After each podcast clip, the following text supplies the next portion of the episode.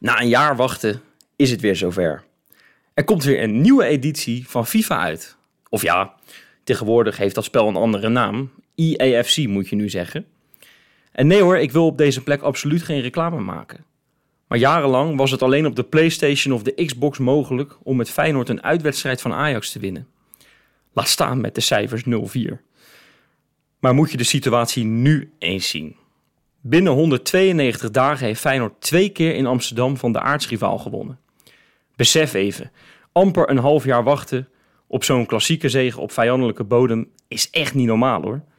Tussen de laatste en de ene laatste gewonnen klassieker in de arena moesten we liefst, en schrik niet, 6412 dagen wachten. Het waren vanaf zondag 72 krankzinnige uren. Maar woensdag kon de kurk dan eindelijk van de fles. Feyenoord boekte een historisch resultaat in Amsterdam. 0-4 zegt het voort. Was het zo mooi als vorig jaar? Of misschien zelfs mooier? We gaan het erover hebben in een gloedje nieuwe Keingeloel. En dat ga ik doen met Duif Hey Wes. en met Jopie. Hey. Ja, Wes, in- Ja. In, in de tussentijd dat jij je hele aftrap aan het doen bent, had Feyenoord al een kans en een doelpunt gemaakt. Dus oh, Ja, nou ja, dan gaan we, het, we gaan het absoluut over die wedstrijd hebben. En het kan mij niet lang genoeg duren, eerlijk gezegd. Maar ja, jongens, eh, we hebben afgelopen maandag een, een podcast gemaakt. En daar had ik het er onder andere over dat ons iets is afgepakt. Ja, ik weet niet hoe het met jullie zat. Ik zat zelf met enorme zenuwen voor die wedstrijd. Hè, want ja, zou die Stijn, zou dat misschien toch niet een tactisch meesterbrein zijn met nieuwe plannetjes en weet ik het wat? Duif, had jij dat ook? Eh, nou, wel in spanning, maar niet dat eh Stijn in één keer een tactische meestertrein is geworden in, eh, in die uurtjes. Wat ook niet bleek. Maar ook met het feit dat natuurlijk dezelfde spelers grotendeels op het veld zouden staan. En die ook niet in één keer eh, de wonderslof hebben gekregen. En ook dat bleek. Dus nou, ik was wel gespannen. Want, maar dat heeft bijna iedereen denk ik wel gehad. Van wat als ze toch binnen een minuut of twee maximaal scoren? Krijgen ze dat gevoel weer terug? Krijgen ze dan, oh, we kunnen deze wedstrijd toch nog omdraaien. Misschien hebben ze volle bak eh, energie gespaard en komt het er nu in één keer keihard uit. En hoe lekker is het dan dat je zo snel die 0-4 maakt? Ja, nou, Johan, eh, had jij daar überhaupt over nagedacht dat het binnen drie minuten ook wel eens 0-4 kon zijn? Nou ja, goed, ik kan u zeggen, luister naar de podcast van afgelopen maandag. Toen zei ik, Feyenoord gaat vroeg scoren. Daarna vinden ze het wel wel eens in het einde kort Ajax nog. Nou, dat laatste stukje klopt niet, want Ajax blijkt dus nog slechter dan wij dachten. maar eh, het eerlijke verhaal is wel dat je dan toch... eh, eh, ja, je hebt er vertrouwen in. Althans, ik had er vertrouwen in. Maar je gaat in die tussentijd ga je toch denken... Ja, eigenlijk wat, wat Duif net zegt. Wat, het, het zal toch niet gebeuren dat zij per ongeluk een, een vrije trap of een corner krijgen die erin vliegt. En, en, en het, het geloof hebben en dat En dan zag ik ineens dat die Akpom er weer in kwam voor Salah Eddin is trouwens... Die moet gewoon stoppen met voetbal onder, bij Ajax. Want die weet gewoon waar die staat. Die is gewoon puur gebruikt om, om eh, de, de, de technisch directeur weg te roken. En die is nu gewoon weer bij het grof vuil neergezet. Eh, dus Ja, 9 Ja. minuten en 55 seconden heeft hij meegedaan Ja, in, die, goed. in die memorabele klassieker. Nou, hij was wel kan goed. hij later tegen zijn kinderen zeggen, hè? ja, Ja, ik heb ooit in een klassieker gestaan waarin Ajax volledig van de mat werd getikt. Ja, ja. En, ik, en, ik, en, en mijn functie was de technisch directeur laten ontslaan. Nou, het is lekker, man. Nee, nee maar, om, om- dus, maar dan ga je toch denken, ja, 3-4-4 of, of 3-3-4 wat ze gingen spelen met, een, met, die, eh, met die Akpom erbij. Overigens, die kan er ook echt geen ene flikker van. Eh, maar, Erg, hè? nee, maar eigenlijk, en, en dat is het. Eh, als je die interviews voorafgaand aan die wedstrijd ziet. Je ziet eerst Maurice Stijn heel geheimzinnig, moeilijk, weer slecht uit zijn woorden komen. Refereren aan hoe goed die eerste helft toch eigenlijk wel niet was vanuit hun kant. En dan heb je Arne Slot die gewoon precies zegt wat er gebeurt. Geen geheimzinnigheid, duidelijk zegt. En, en eigenlijk, Ja, maar, maar Johan, Johan het, is, het is toch ongelooflijk dat die man... die staat voor die camera, die doet even uit de doeken... wat hij denkt dat, dat de Ajax-trainer gaat doen... die daarover trouwens geheimzinnig was. En hij blijkt het precies goed te weten. ja, Dat is ook wat, wat Jiménez natuurlijk eh, na de hand voor de camera's zei. Dat hij heeft een trainer die gewoon weet wat er in een wedstrijd gaat gebeuren. Hij, hij- ja, alsof hij een glazen bol heeft of zo, weet je wel. Hij weet gewoon precies, daar en daar en daar zijn, eh, zijn, de, zijn de ruimtes. En goed, als je een beetje een goede tactische trainer bent, dan, dan, dan is het ook wel logisch. Alleen hij weet echt alles van tevoren, die Ja. Arne Slot. Ik denk toch dat hij, uit de, dat hij met een tijdmachine uit de 2040 is komen vliegen, hoor. Want dit kan echt niet. Nee, maar dit verhaal horen we toch ook al eh, twee jaar. ja, maar dat maakt het niet minder knap, eh, Duif. Tuurlijk is het fantastisch om te horen. Maar het, is niet nieuw, maar het blijkt nu weer te werken. Dat is het meer. En, Ja. eh, en dan is het natuurlijk extra leuk om Jiménez vol lof over slot te horen. Ja, die trouwens weer wederom fantastisch speelde. Ja, maar daar komen, goed. daar komen we straks. Want ik wil, Maar ik, daar komen we zo meteen wel ik wil toch nog wel even over die slot. Want pas toen ik dat interview voorafgaand aan die wedstrijd... Ik, ik heb daar met argusogen naar zitten kijken. Van, van, ik heb niet beseft van, van hoeveel spanning ook bij hem op die, op die wedstrijd staat. Want hij zei ook van, ja, is de wedstrijd die ik het meest doordacht heb ooit in mijn leven. Omdat je midden in de wedstrijd ineens stop krijgt. Dan heb je drie dagen om na te gaan denken, wat gaat Ajax doen? Wat moeten wij doen? Hoe zouden we hierop reageren? Wat gaan wij dan weer doen? Hij is alleen maar bezig met hoe ze erover na. Je zag het ook, terwijl hij geïnterviewd werd notabene door, door Hans Kraai... is hij aan het tellen hoeveel mensen Ja. die in de warming-up bij Ajax Nou, dat had hij ervoor al gedaan, maar inderdaad, dat klopt. Dat is wel knap dat hij dat heel snel had gezien en da- daarom al een conclusie had getrokken. Dat hij, en dat hij vervolgens een tactische wissel doorvoert. Door, dat hij al gebeld met de KVB. Dat hij zegt: joh, eh, moet de bal eerst uit zijn? Of kan ik meteen Minten eruit halen voor Zerouki? Hij is zo extreem bezig met zijn vak. En dat wisten we ook al, Duif. In 2017, toen hij natuurlijk ooit een keer dat, dat interview heeft gegeven aan het, aan het vakblad van die trainers. Waarin iedereen zei: ben je niet te open? Maar eigenlijk is dat steeds zijn handelsmerk. Gewoon vertellen waar hij voor staat. Niet gek en niet geheimzinnig doen.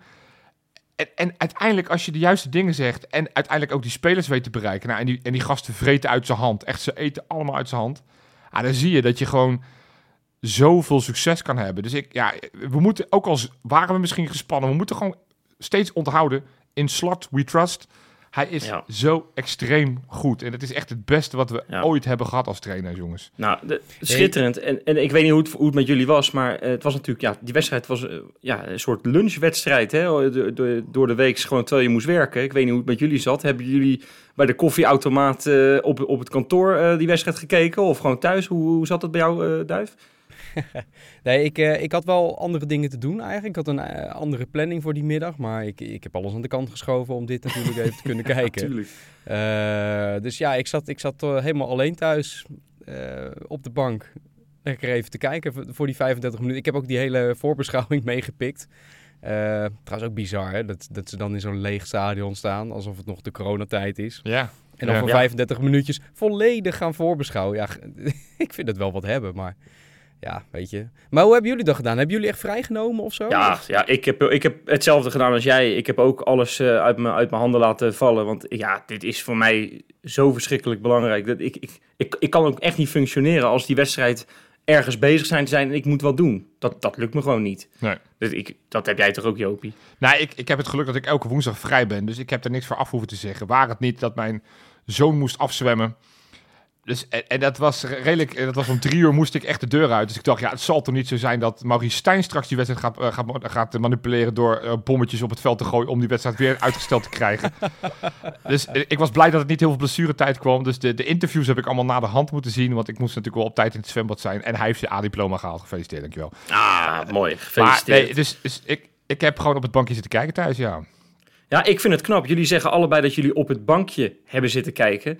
Ik zal je vertellen, ik heb, eh, ik heb thuis in mijn woning heb ik, eh, het, het salontafeltje voor de televisie heb ik weggeschoven. En vanaf seconde 1 tot de laatste seconde heb ik heen en weer staan huppelen. En natuurlijk hielp het mee, want daar gaan we nu heen. Dat Jiménez na drie minuten scoort, want hoe lekker is dat? Alle plannen van Marie Stijn, alle geweldige plannen. Nou, Ja. niet dus. Eh, die die, die die niet had. Ja, die, ja, je kan ook geen, geen plannen eh, logisch straffen als, als het geen plannen zijn. D- dit sloeg gewoon helemaal nergens op wat van Ajax, van Ajax uit. En inderdaad, Feyenoords plan van, van Slot kwam uit. En je zag het er aan alle kanten uitkomen. Hè. Jiménez die scoort, die nog eventjes drie vingertjes opsteekt naar de, naar de camera van ik heb ze. En Arne Slot die bijna zijn schouder uit de kom werpt met, met, die, met die juichkreet van... Zo, die was blij hè? Goh, ja, ik, ik moet ook zeggen... Ik dat was niet alleen blijheid volgens mij. Nou, nee, nee, nee ook, tuurlijk zit daar ook frustratie bij van afgelopen zondag. Maar ik had, toen ik dat zag, moest ik, ging ik harder juichen. Weet je, wel, er zit alsof er een soort volumeknop op het juichen bij mij zat. En ik denk, ik, ja, ik, ik, werd gewoon, ik werd gewoon echt zo bijna agressief toen ik hem zo boos zag juichen. Ik, ik, ik had hetzelfde. Ja, ik weet niet. Ik vond het, en het was ook zo'n opluchting dat je snel die 0-4 maakt. En dat je in ieder geval weet, we gaan in ieder geval geen punten verspelen. Dat is duidelijk. Maar Nee. je wist toch gewoon dat het klaar was? Dat is je toch eigenlijk, eigenlijk, echt klaar, toch? Dat is je tot na 10 seconden al, jongens. Toen, toen eh, dan, heeft Maurice Stijn dus drie dagen lang heeft hij na zitten denken over hoe hij Feyenoord pijn gaat doen. En dan, en dan eh, gooit Wiever hem voor. Dan, dan, dan heeft Paixão kapt hij meteen die, eh, die Rensje het ziekenhuis in, geeft hem voor. En, en Timber die hem ja, alles doet wat hij kan, uiteindelijk over, overschiet. Maar toen dacht je al, oké, wacht. Inderdaad, het, ze kunnen aanvallender gaan spelen. Maar ze vergeten nog steeds één ding. Voetbal moet je ook verdedigen. Want Maurice Stijn, ja, ik, ik vind het wel leuk om hem een beetje op de hak te nemen. Maar die, doet er werkelijk alles aan om eh, en ontslagen te worden. Nou, daar wacht hij op, want hij wil gewoon die 3 miljoen afkoopsom wil die krijgen. Maar hoe hij zich nu manifesteert en hoe hij zich nu eh, presenteert, gaat hij nou hooguit HBS eh, het derde bierelftal gaat hij kunnen trainen. Want deze gozer kan werkelijk maar helemaal niks. Hoe, die, kijk dan even naar die goal. Hoe, en dan weet Ja. ik dat ze met drie verdedigers spelen, maar eerst hoe Stenks hem op zijn dode gemakkie naar Ja. het linker, link- linkervoetje kan kappen en hem voor kan geven op Pashao, waar niemand in de buurt tijd, staat. En dan Jiménez, die, nou, die zou op zich al gewaarschuwd kunnen zijn, want hij had er drie dagen eerder had hij er al twee gemaakt en een assist gegeven. Die kan op zijn dode gemakkie een bal Ja, inschieten. terwijl, daar toch, terwijl daar toch de beste voetballer van de... Ongeveer God, zo moet hij ongeveer zijn. Branko van der Bomen. Die stond daar, die, Ja. stond daar, die draaide daar Ja. op zijn Ja, dode die, gemakje eh, even om. Om toch eventjes toeschouwer te zijn van de beste spits van de eredivisie. Want ik, ik, die, die discussie krijgen we ook ineens. Wie dan de beste spits van de eredivisie is. Maar ja, sorry hoor. Als jij een hat maakt tegen je aardsrivaal, dan, dan ben je toch gewoon de beste. Jiménez, jongens. Is daar een discussie over? Nee, natuurlijk is er geen discussie over. Wie zou het anders moeten zijn? Waar hebben ze een discussie over? Luc de Jong? Maar ja, nee, ja Luc de Jong inderdaad. Zoals ja, Pavlidis werd, eh, werd ineens eh, genoemd. Ja, Nou, Ja. je hebt heel, heel, heel lang niks en dan pas komt Jiménez. ja, het, sorry hoor, maar het is... Er zit Ja, het echt, is het is natuurlijk- niet eens bijna in de buurt. Nee, het is natuurlijk El Rey. Het is de koning, Jiménez. Ik bedoel... eh, Dimitres. het is natuurlijk... Dimitres. Ja, prachtig. Prachtig. Ik, ik vind... Weet je wat ik ook zo mooi vind? En ik heb natuurlijk de rubriek Insta-specten, maar dit, dit heb ik er even uitgehaald voor jullie. John Guidetti is natuurlijk de, de vorige hat koning in de klassieker, hè? 2012. Ja. Die dan op zijn Instagram een kroontje op het hoofd van Jiménez plaatst op een fotootje. Alsof hij zeg maar de kroon overgeeft van, van hat man op hat hero. Ja, het is Goed is dat, hè? Ja, ja ik, vond dat, ik vond dat echt schitterend. En, en weet je, ik, ik vraag me wel af, en dan gaan we zo weer even verder, verder op die wedstrijd, maar ik vond het wel even leuk om erin te gooien. Zijn jullie niet ontzettend bang, nu hij ook weer drie keer scoort tegen Ajax, dat dit toch een beetje de laatste maanden zijn, dat we Gimenez nog in een Feyenoord-shirt zien? Ja, ja je, je las ook alweer weer berichten dat Atletico alweer bezig is met Falcao eh, te strikken en zijn vader eh, warm maken. Eh, ja, je weet, je- weet dat het, nou, de kans 99,9% is dat hij in ieder geval na deze zomer sowieso geen Feyenoorder meer is. Maar dat dacht ik ook overigens van Geertruida vorige zomer. Dus dat zegt allemaal niet zo gek veel. Maar normaal gesproken, als hij in, di- in dit tempo doorgaat, dan, dan ben je hem wel kwijt. Alleen dan is de hoop, en, en echt, dat hoop ik echt van ganse harte, dat hij eh, pas aan het eind van dit seizoen in de zomer denkt, dan pas ga ik verkassen in de plaats van dat hij eh, halverwege het seizoen. Maar ja, Ja. dat is een risico, dat gevaar is er. En eh, ja, hoe beter hij presteert, hoe groter... Ja, eh, misschien staat er wel iets in zijn contract over dat hij alleen in de zomer weg mag. Ja, maar zo werkt het niet. Hoeft dat Ja. ook niks te zeggen, want in het voetbal is alles te koop natuurlijk. ja, ja. Eh, maar verder eh, moeten we eigenlijk hopen dat we het in de Champions League eh, goed blijven doen. Want dat zou natuurlijk ook nog een extra reden kunnen zijn om eh, het ook nog over de winter heen te tillen om pas Ja. in de zomer weg te gaan. Want dan heb je niet per se een reden om weg te gaan. En misschien wil die wel, eh, want volgens mij is het wel een gevoelsjongen. Eh, als ik het een beetje zo meekrijg, wil die dat wel afmaken en meedoen. En volgens mij heeft die slot zelf, nou ja, dat heb je ook in dat interview kunnen zien, ongelooflijk hoog zitten. En die zou hem echt pijn doen als die weg zou gaan natuurlijk. ja. ja. O- overigens, de, jongens, de, de, de Koen Dillen-index, kennen jullie die? Zeker. Het Koen Dillen, hè, voormalig, voormalig topschutter van de Eredivisie, recordhouder. Ehm, ja, Santiago Jiménez ligt voor op Koen Dillen en niet zo'n klein beetje ook. Nee, hij heeft een behoorlijke sprong gemaakt al, hè? Hij, hij, hij ligt vijf doelpunten voor na zes wedstrijden. Koen Dillen kwam pas later in dat seizoen op gang. Laten we dat even duidelijk maken. Als ehm Jiménez zo doorgaat en, en dit gemiddelde vasthoudt, ja, schrik niet, dan komt hij op 51 doelpunten uit dit seizoen. Dat zou toch wel eventjes een knaller zijn als hij daarmee weggaat, hè?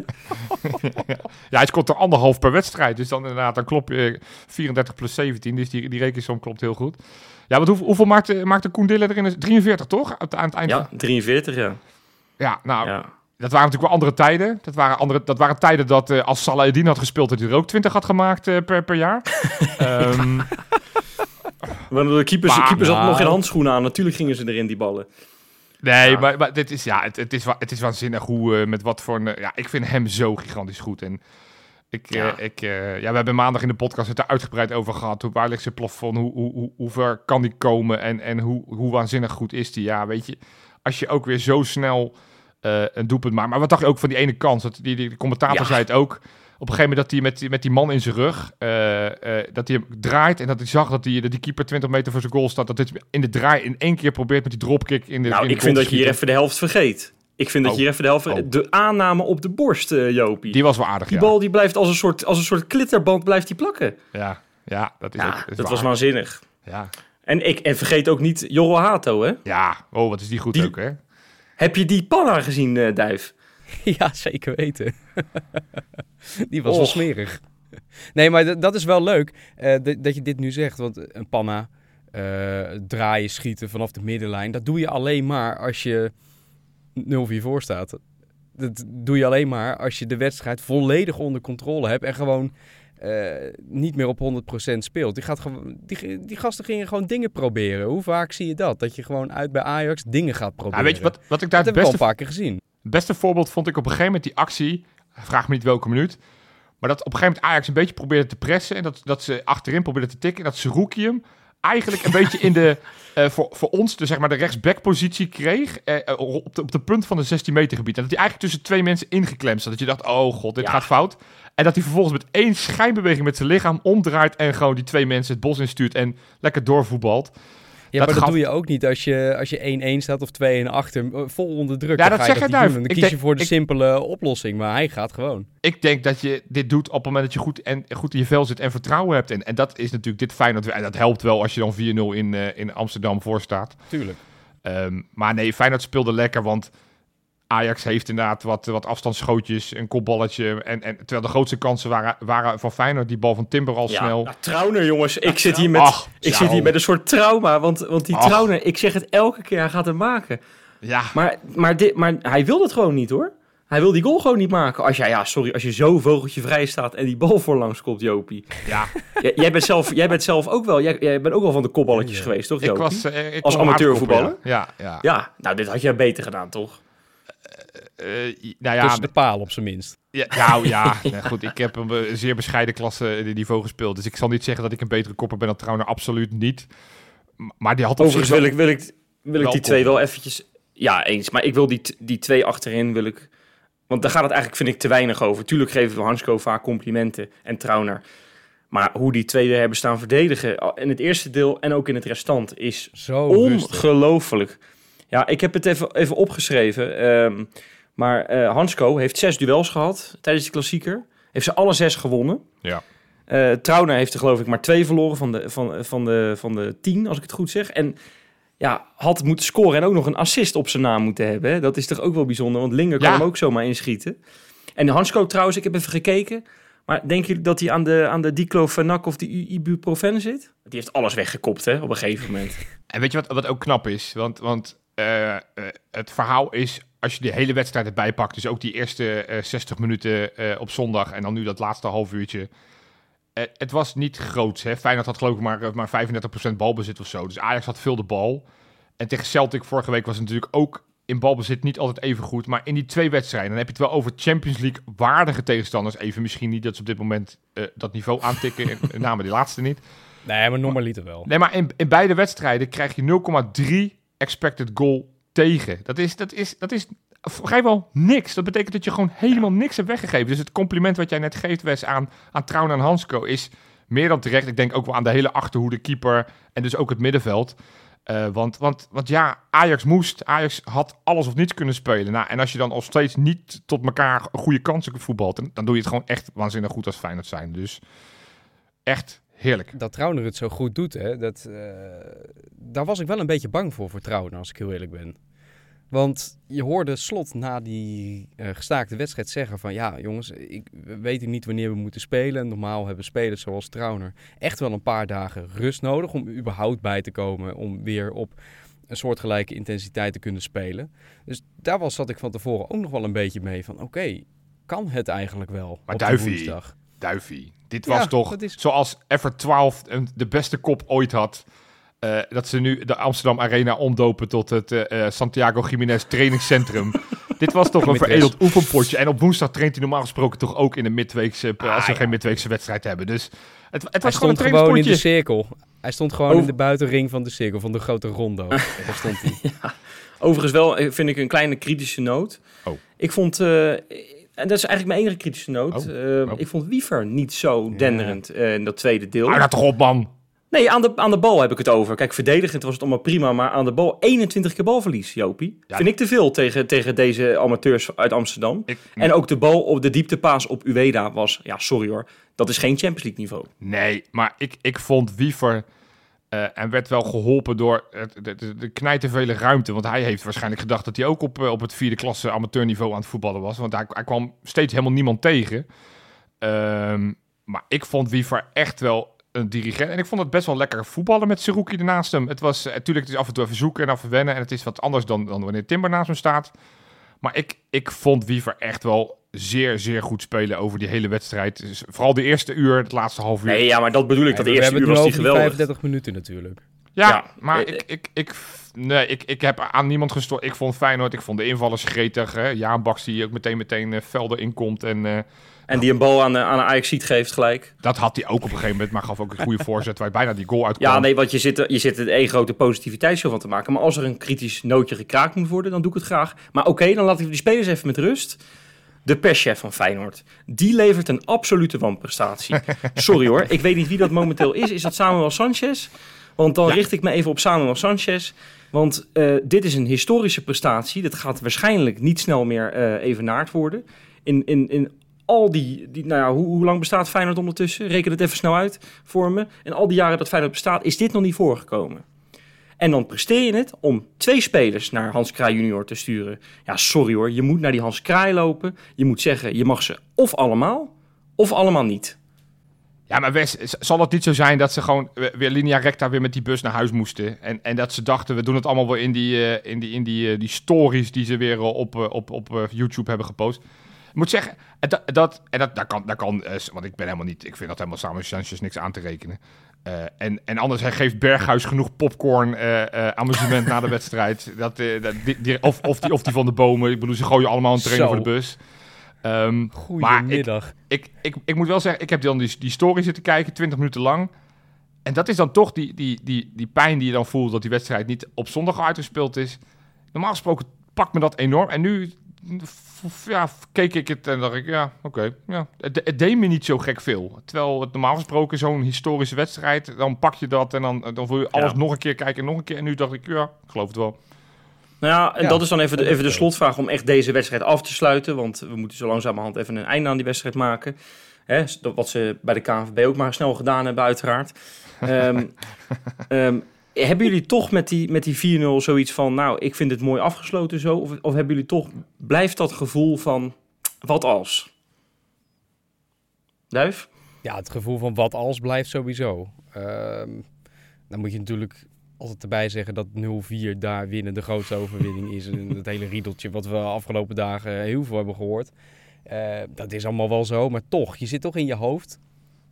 Wat nou als we door waren gegaan? Wat nou? Want we hadden ze, we hadden ze echt bij de strot. Hè? Ze vielen op de knieën en we gingen ze afmaken. Precies wat Slot ook zei. Het laatste half uurtje maken we ze helemaal kapot. Omdat ze fysiek helemaal niet meer konden. Ze konden sowieso al niet geweldig veel. Maar dat laatste half uurtje zou helemaal een ramp voor ze worden.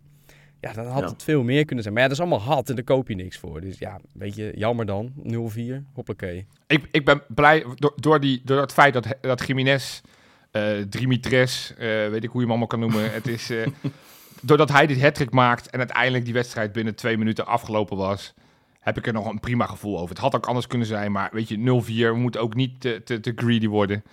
Eh, je wint, je, je sloopt de aardsrivaal. eh, eh, heerlijk. Dus, dus laten we er niet Ja. te veel gaan mopperen over dat het ook 0-5, 0-6, 0-7 had kunnen. Want dat weten we niet. Het had ook gewoon bij 0-3 kunnen blijven. Omdat Feyenoord dacht, het is wel welletjes. een paar wissels erin en die het allemaal, allemaal wel prima hadden gevonden. Ik, ik ben... Mag je maar gewoon... Laat, het, laat de trots overheersen. We hebben gewoon A- aardrivaal echt kapot gemaakt. Nou, sluit ik me daarbij aan. Jopie, ik kijk jou even Ja. aan. Heb jij een quizvraagje? Nou, ik, ik, wil, ik wil de quizvragen wel, wel uitgebreid inleiden. Want ik, ik, het was woensdag niet alleen eh, de, de dag waarin Feyenoord eh, eh, het restant van de wedstrijd tegen Ajax speelde. Maar het was ook de dag dat Shinji Ono 44 werd. En tevens de dag ook dat hij zei, weet je wat, ik eh, stop met mijn actieve voetbalcarrière. Wat natuurlijk bijzonder is op je 44, dat je het zo lang hebt volgehouden. Dus ik dacht, wij, wij kunnen, en zeker als, als kapitein Bakens dat ik ben, wij, wij moeten het toch wel even hebben over een, een icoon als Shinji Ono, die, die gigantisch veel voor onze club betekend heeft. Ik denk, Duif, dat jij geen actieve herinneringen aan hem hebt, want hij was gewoon, nou, te, te, jij was te jong toen hij, eh, hij voetbalde Nee, ik, ik ken hem alleen maar van beelden. Ja. En jij, Wes, heb jij, heb jij hem nog ooit zien voetballen of is het ook een beetje voor Ja, zeker. Ik, eh, bij mijn, eh, mijn allereerste keer in de Kuip gaf hij een... eh, was tegen Feyenoord AZ was dat. Ik geloof dat het 4-1 werd, de einduitslag. Ja. Gaf hij een enorm mooie bal. Die, die leek niet te zakken, die bal. Dat was een soort zweefpaas. Ja. En die is, die is echt... Volgens mij staat hij bij een hoop Feyenoorders in het geheugen gegrift. Die bal die, die wilde maar niet zakken. Dat was echt bizar. Wat, wat een gekke bal. Dat was een heel gek effect. En, en daardoor had ik, had ik hem gelijk op het netvlies van... Wat een aparte voetballer. En, en eh, ja, het was natuurlijk een lachenbekkie. En eh, een man die, eh, die, die, ja, die, die eigenlijk veel hoger in de wereldtop had moeten eindigen. Ja. Want als je ziet ja, hoeveel mensen er zijn die zeggen dat hij de beste Feyenoorder ooit is in een, in een Feyenoord shirt. Er zijn wel mensen die dat, die dat vinden.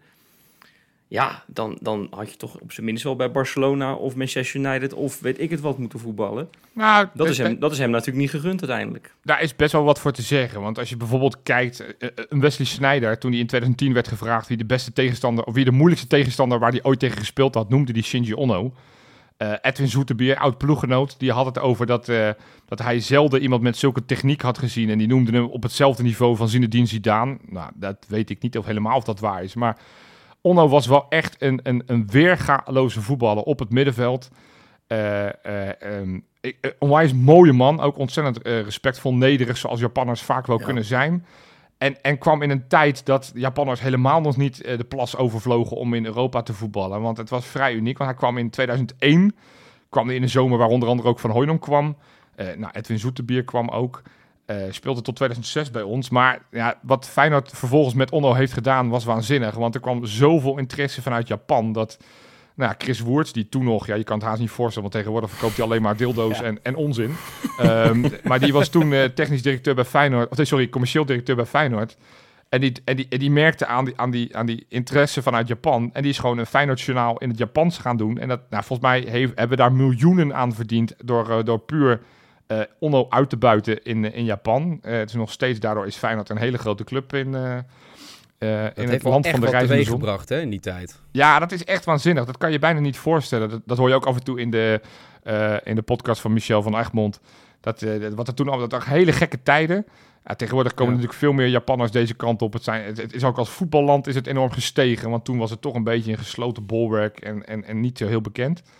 Ehm, maar nee, dat is, eh, het is waanzinnige voetballen. Alleen blessures hebben hem toch een beetje weerhouden om, om echt door te breken. Maar wat hij in Europa heeft gedaan, eh, was de eerste Japanner ooit in een Europese finale met, met Feyenoord UEFA Cup. Heeft natuurlijk de UEFA Cup gewonnen. Heeft een assist gegeven op de 3-1. Eh, kortom, is echt een waanzinnige voetballer. En, want ja, nu ga ik de quizvraag, want het is een hele lange Oh. intro om die quizvraag uiteindelijk te lanceren. Want hij heeft uiteindelijk bij Feyenoord heeft hij 148 potjes gespeeld. 24 goals en 24 assists. En 124 van die 148 potjes speelde hij samen met één ploeggenoot. Aan jullie de vraag is, wie is nou die ploeggenoot met wie hij al die wedstrijden bijna samen speelde? Gaan we in het einde van de uitzending op terugkomen. Maar nu eerst Wes, heb jij weer een lekkere Insta-inspector voor ons.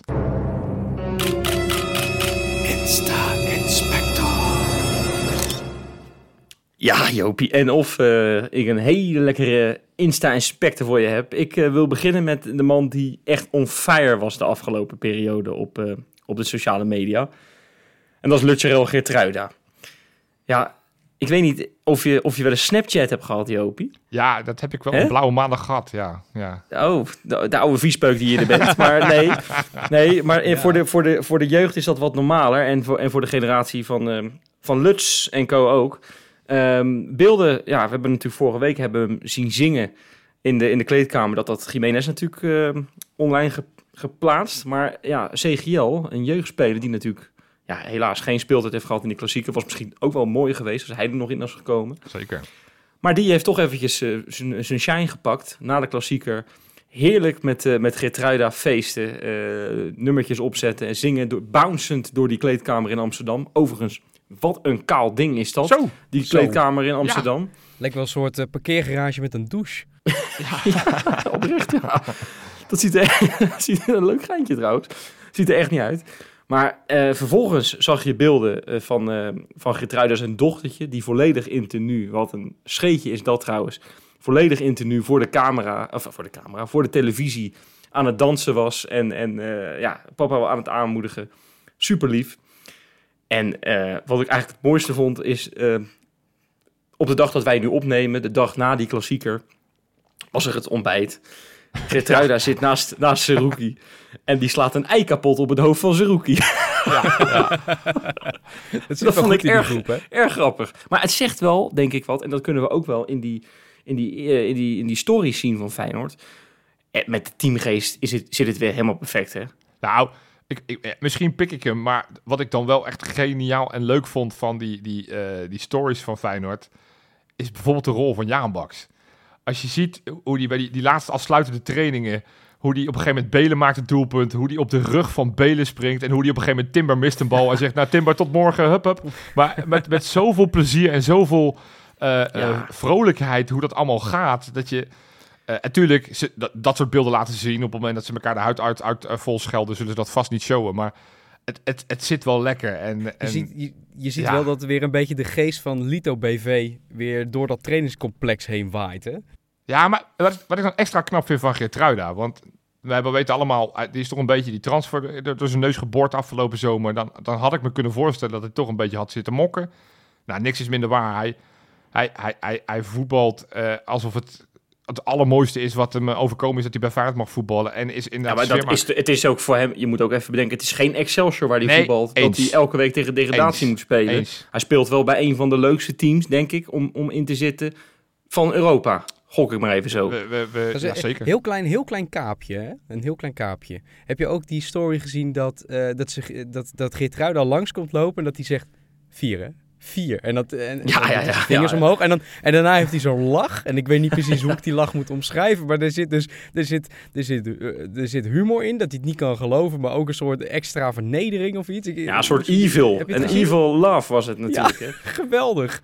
Vier, hè? Vier. Ja, dat is, nee, dat is schitterend. Goed dat je hem benoemt, want ik had hem, ik had hem niet opgeschreven. Maar goed dat je hem benoemt. Ja, die, die stories, dat is sowieso een aanrader voor iedereen. Dat moet je echt doen. Dat is het absolute toetje van die, van die klassieker. Um, ja, ook nog echt iets prachtigs wat ik, wat ik op, de, op de kanalen voorbij heb zien komen. Ja, Hartman speelt hier eigenlijk wel weer een rolletje in. Die is toch lekker actief op, uh, op Instagram. Ja, ja. Maar het is eigenlijk een, een tv-programma van de KRO NCRV. Oh. Um, het programma Hello Goodbye. Misschien hebben jullie het ook wel gezien. Dat was een man. En die is al vaker in, de, in, de, in, ik geloof ook rond het kampioenschap van 2017 in de krant toen geweest en op tv. Maar die man die heeft eigenlijk zijn hele hebben en houden achtergelaten in Amerika. Is, is ooit, moeten we even goed uitleggen, is gewoon een Nederlander, is in Rotterdam-Zuid opgegroeid, is Feyenoorder geworden heeft een nou, familie uiteindelijk in Amerika uh, gesticht. En, en daar is hij eigenlijk, ja, je hoort het ook aan hoe hij praat. Die man is volledig. Ja, ja, ja jij droomt ervan. Jij droomt ervoor van uh, Jopie. Een beetje Amerikaans praat hij wel, ja. ja. zo, zo praat hij inderdaad een beetje. Hij komt, uh... Zo praat hij wel een beetje, maar hij komt wel uit Rotterdam en hij, hij laat Feyenoord. Ja. Ja, maar dat is, ik, en het is zo mooi. En uh, dat programma is echt.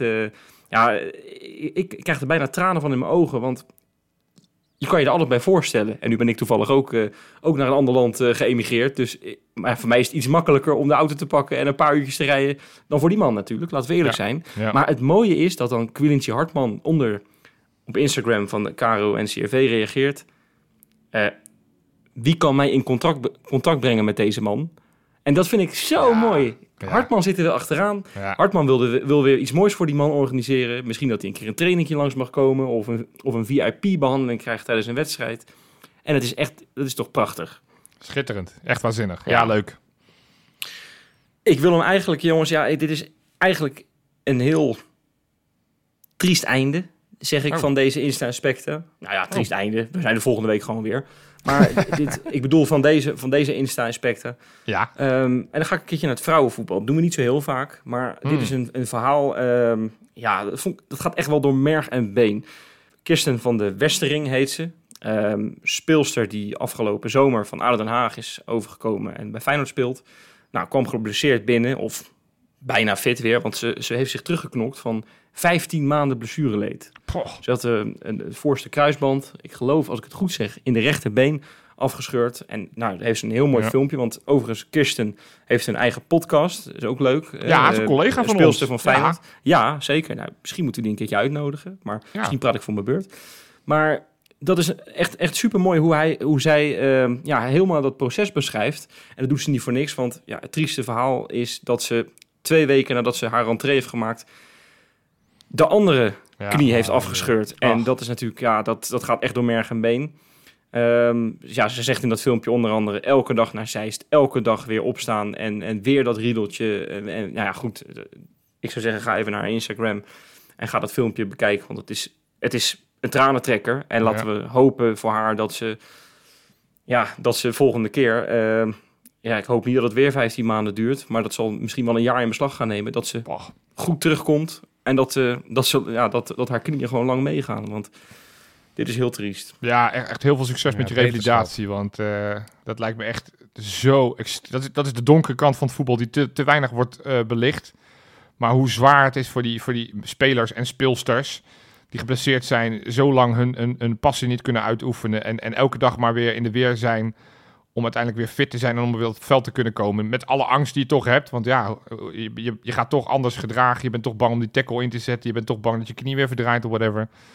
Dus diepe bewondering voor, eh, voor strijdsters zoals eh, Kirsten van der Westering. Dus eh, succes. Ja, nou, is dat even helder. Ja, Jongens, ehm, gaan wij door naar de, naar de volgende tegenstander. Want ja, na een midweeks programma, onverwachts dan weliswaar... gaan we natuurlijk gewoon weer in actie komen. Feyenoord eh, met een thuiswedstrijd tegen Go Ahead Eagles. En jongens, ik vraag het maar gelijk, Duif, aan jou. Feyenoord heeft eh, dit seizoen eh, maar van vier clubs weten te winnen. Te weten allemaal rechte rijtjesclubs. Gaat het nu ook eens tegen een linker rijtje gebeuren? Nou, dat zal toch wel? Jawel hoor. Tuurlijk gaan we daarvan winnen. Tuurlijk. Dat zeg ik wel met te veel bombarie. Maar eh, we gaan het wel winnen. De- mensen doen allemaal net alsof dat Go Ahead allemaal heel bijzonder is. Oh, wat, wat fantastisch voetbal. Eh, dat geldt misschien voor de aanval. En een beetje middenveld. Maar de verdediging is niet heel fantastisch hoor. Want ze scoren er 12, maar ze krijgen er ook 12 tegen. Eh, hebben wel van de zes wedstrijdjes drie gewonnen, één gelijk, twee verloren. Ik heb woensdagavond de wedstrijd PSV Go Ahead zitten kijken. Ja, ze werden uiteindelijk wel voornamelijk op de verdediging en een stukje middenveld behoorlijk geklopt. En eh, ja, 3-0 over de knie. En had nog wel meer kunnen zijn trouwens. Als je ziet hoe die, hoe die Luc de Jong eh, twee keer zo vrij mag Precies, inkoppen. dus ze staan erbij.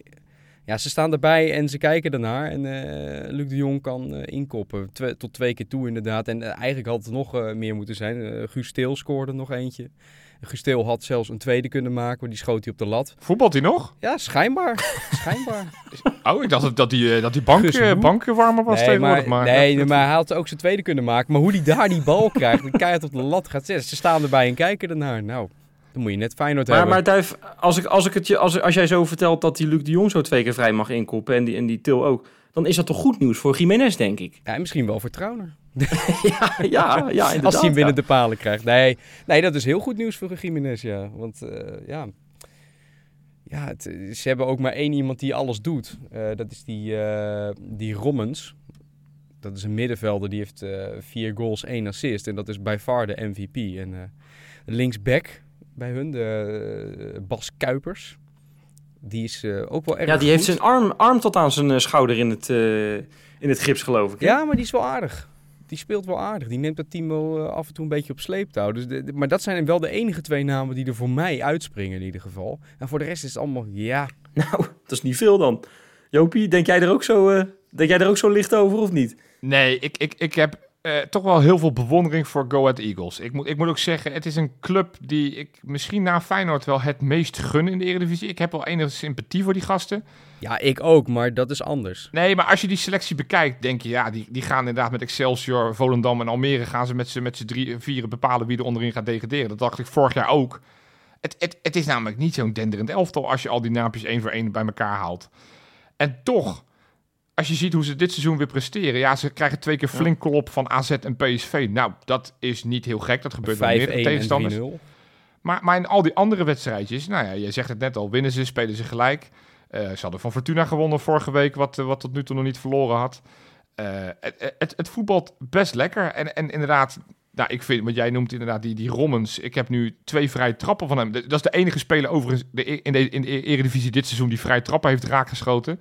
Ja. Ehm, nou goed, Stenks natuurlijk in, in Europa, maar dat, dat telt dan niet mee voor de, voor de Eredivisie uiteraard. Maar die, maar die Rommens heeft hem al twee keer echt waanzinnig goed ingeknald. Dus dat is, eh, en daarbij heeft hij ook een assist gegeven uit een corner, heeft een penalty geraakt. Dus nou, als we dan alvast de waarschuwingen moeten hebben, laten we geen dode spelmomenten weggeven rondom onze eigen 16. Dus geen onnodige Nee. overtredingen, geen vrije trappen, geen eh eh, eh, penalties zeker niet. En ook geen, geen corners weggeven. Want dan zie je waar, waar hun kracht wel ligt. Eh, Ja. Maar eh, de laatste drie keer dat we tegen ze gespeeld hebben, eh 13 voor 0 tegen. Dus Dat klinkt goed. dat, ja, en dat daarvoor had nog wel een speciaal randje. Om het maar even heel licht te zeggen. Die vorige, ja, dat, Ja, dat we ik moet werden je misschien zeggen. een beetje kampioen tegen ze. Het zou kunnen. Een beetje. Een beetje Maar weet je wat het stomme is, Duifie?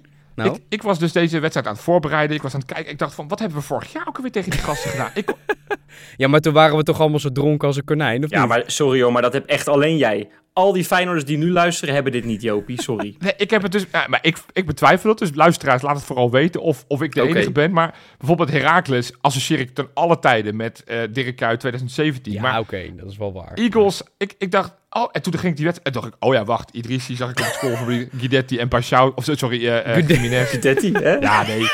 en, toen dacht ik, en toen dacht ik, oh ja, wacht, ik weet alweer welke wedstrijd dit was. Daarna heb ik hier Ja. gigantisch lopen feesten. Maar, Maar, nee, ik, vind het wel, ik vind het wel leuk, want jullie... Ik, ik, ik snap wat jullie zeggen. Hè? Het is misschien niet de beste tegenstander. van- Hè? Zeker als je net Celtic en Ajax hebt gehad. Maar er speelt daar een speler en, en die vind ik toch heel erg, heel erg leuk. Dat is Willem Willemson. Ik vind zijn naam al heel erg goed. Ja, Dat is echt zo'n speler die je over, over 20 jaar eh, in die rubriek van Frank Heijnen hebt op NOS, weet je wel. Het eindsignaal. En ik vind het zo mooi. Ik, ik ben erachter gekomen, maar zijn vader, eh, Willem Poor Poorson, heet hij. Die is ook profvoetballer geweest. ja. Maar ik ga wat stellingen aan jullie voorleggen en jullie mogen raden wat waar is. Daar komt Oh. hij. hè? ja. Hij was zowel, zowel voetballer als basketballer, dat is één. Nou, denken jullie waar of niet waar? Waar? Ja, waar? Ja, waar. Oké. Hij was eh, de eerste zaalvoetbaltrainer van IJsland. ook waar. Nou, dat is, zou wel echt waar zijn. Oké. Hij combineerde zijn carrière in de voetballerij met een job als economieleraar. Ja, ook waar. Nee, dat Ja. niet. Ja. Oké, nee, dat nou, kan niet. En, en hij is momenteel de minister van Volksgezondheid van IJsland. Ook waar. Dat is Ja, sowieso ik- waar. En het is Dit- allemaal waar. Dat is Kijk, allemaal je had waar. hem wat daar. Je kenner. Is hij minister van Maar Volksgezondheid? dit is toch goed? Ja, d- ja dat, is, dat, is, Oh. dat is nou het voordeel als je land eh, 6000 inwoners heeft. Ja. Dan kan je er alles worden wat je wil. ja, iemand moet het doen natuurlijk. God, dan ga, ik, dan ga ik emigreren naar IJsland, man. Dan kan ik ook en spits worden van de IA Ankranes. En dan kan ik tevens eh, minister van Volksgezondheid worden. En dan kan ik meteen tevens beroepsvisser worden of zo. Lachen, man. En ik denk zelfs dat jij nog, nog cheerleader kan worden eh, Nou, in die die voetbalstadions. Want daar hou je ook zo van.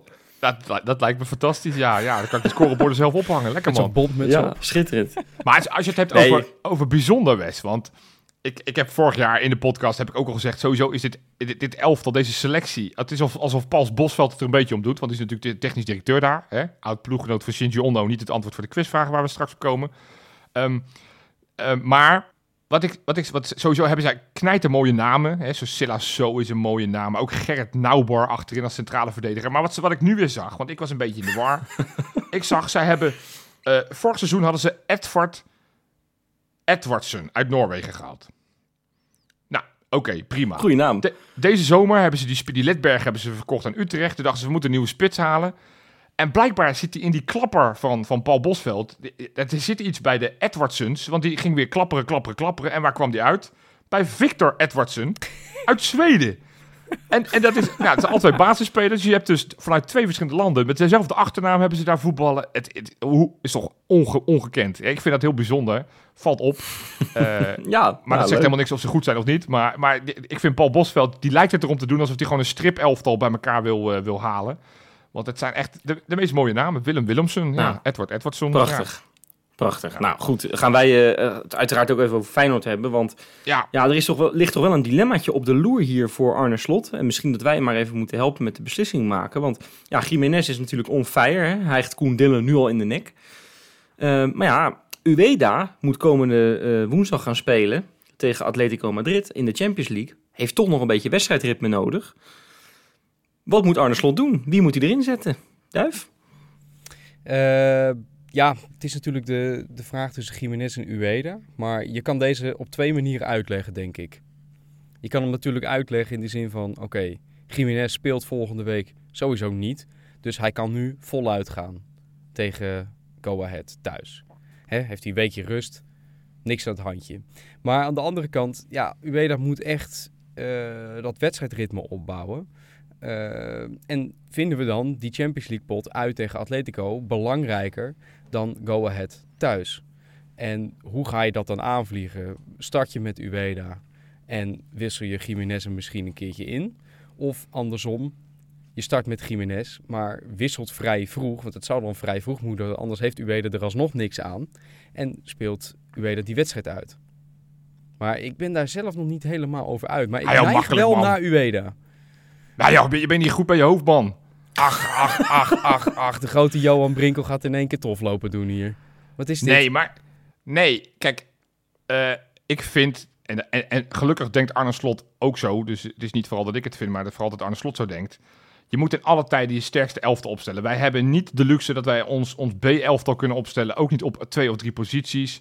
Eh eh, Jiménez is in bloedvorm. Eh Jiménez is in zijn eentje in staat om het voor de rust al te laten beslissen. Om vervolgens dan alsnog die Ueda-wissel in de rust te, te, te, te maar dan moet je het toch vroeg doen, inderdaad.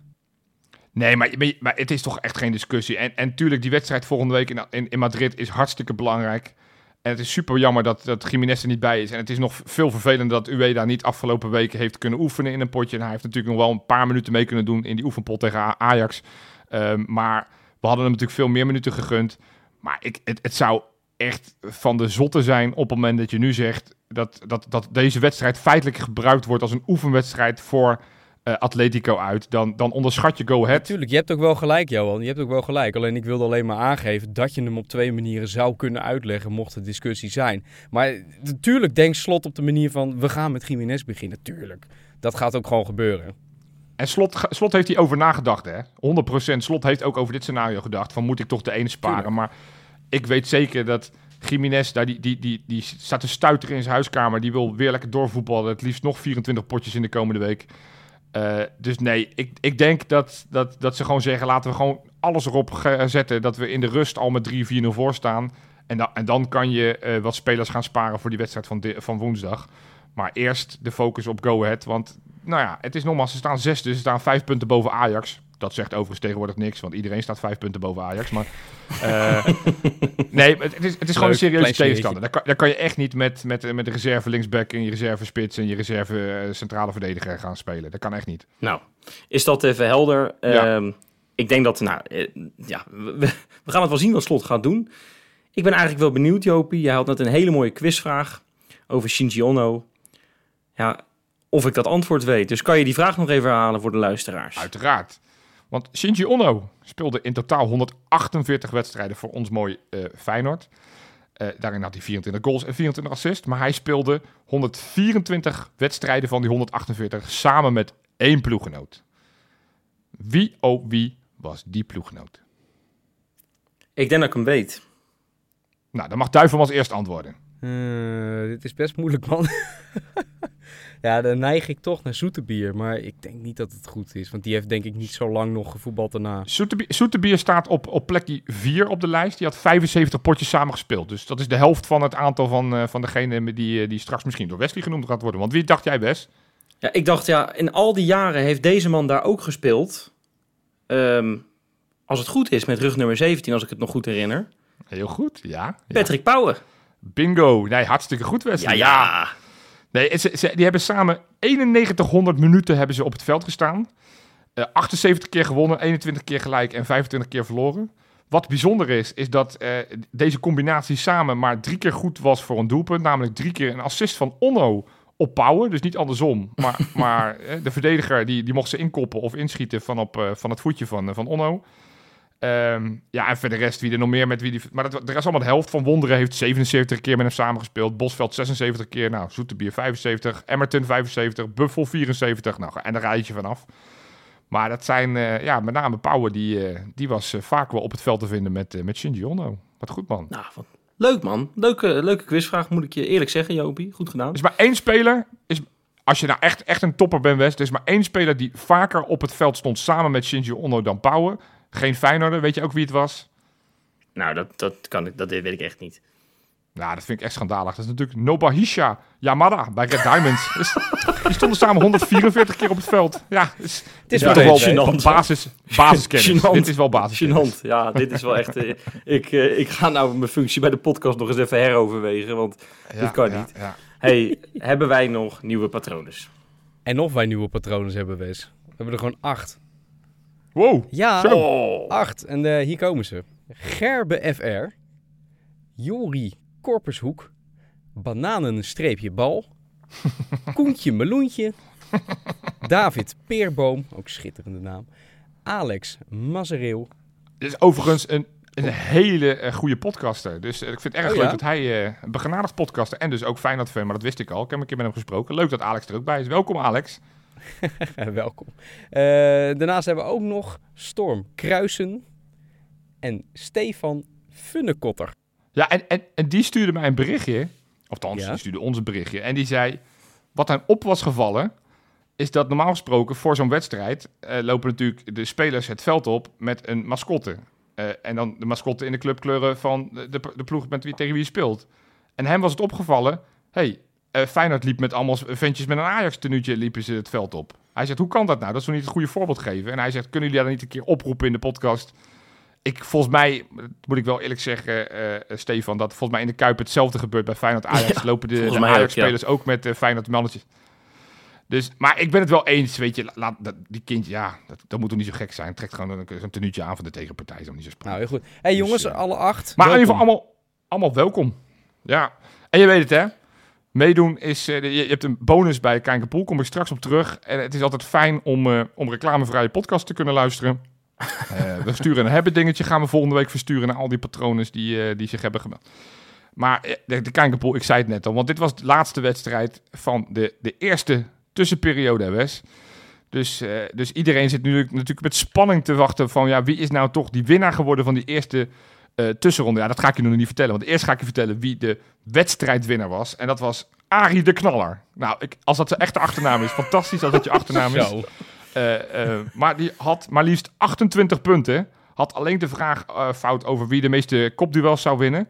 Ehm, die had die fout. En hij, hij is geen patron, dus hij heeft die bonusvraag niet. Dus hij had, verder had hij alles goed. Was hartstikke knap. Dus hij had het al voorspeld 4-0 makkie eitje tegen Ajax. Ehm, maar in ieder geval, de tussenklassement. Wie is nou de allereerste winnaar van het eerste tussenklassement? Dat is uiteindelijk geworden niet Wessel FCR, want die is derde. Het is ook niet Nooit meer gebak van Kamphorst, want die staat tweede. Nee, het is Tom Voorham geworden. Gefeliciteerd Tom. Ah, Meld je even bij, eh, bij ons. Stuur even een, eh, berichtje via Twitter, Insta, eh, Facebook, whatever. Onze mail en dan gaan wij jou je prijs toesturen. En Het is, het is niet alleen crisis in Amsterdam trouwens. Het is ook crisis bij Jopie Brinkel, hè? Dat gaat niet meer goed, hè? Nee, nee, kijk, mijn, mijn, mijn, mijn jongste zoon die vindt het dus ook fantastisch. Die, die speelt dus elke week mee.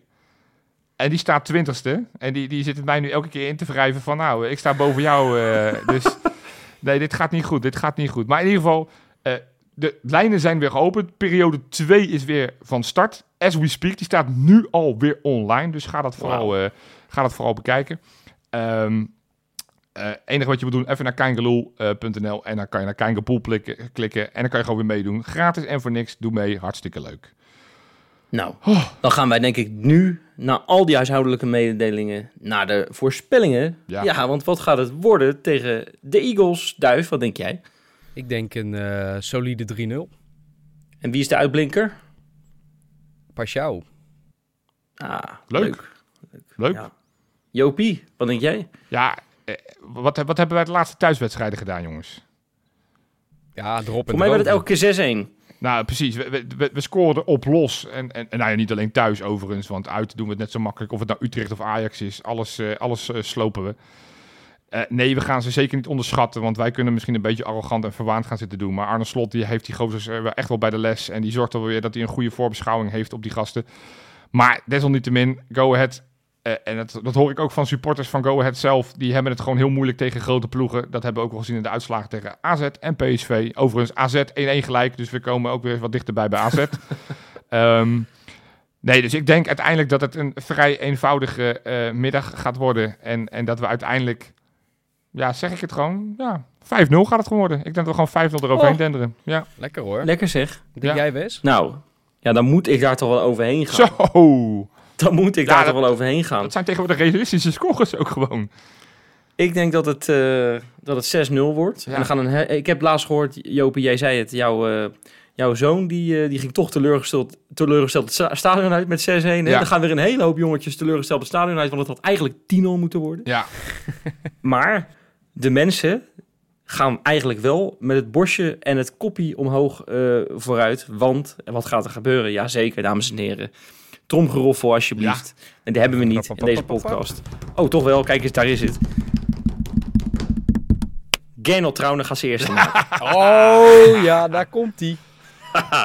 Der Gernot. ja. Ja, Wat zou, je, wat zou je er ik, inmiddels bij de Toto voor krijgen als je dit nu zou in gaan zetten? Ik denk dat je inmiddels ook multimiljoen. Ik denk dat de, de, de, ik de- denk dat je meer 501. krijgt. Ik denk dat je meer 501. krijgt voor een goal van Trauner dan, eh, dan Ajax degradeert. ja, dat denk ik ook, ja. Och, och, och, och. Ja, lekker man. Nou ja, we gaan, we Klokje gaan weer rond, jongens. Podcastje vol. Ik, eh, ik denk dat we mo- moeten gaan afsluiten, jongens. Ik eh, vond het hartstikke gezellig weer. Laten we nog eventjes een dagje nagenieten van die overwinning op Ajax. En dan staat de volgende alweer voor de deur. Ik zou zeggen, tot de volgende. Yo.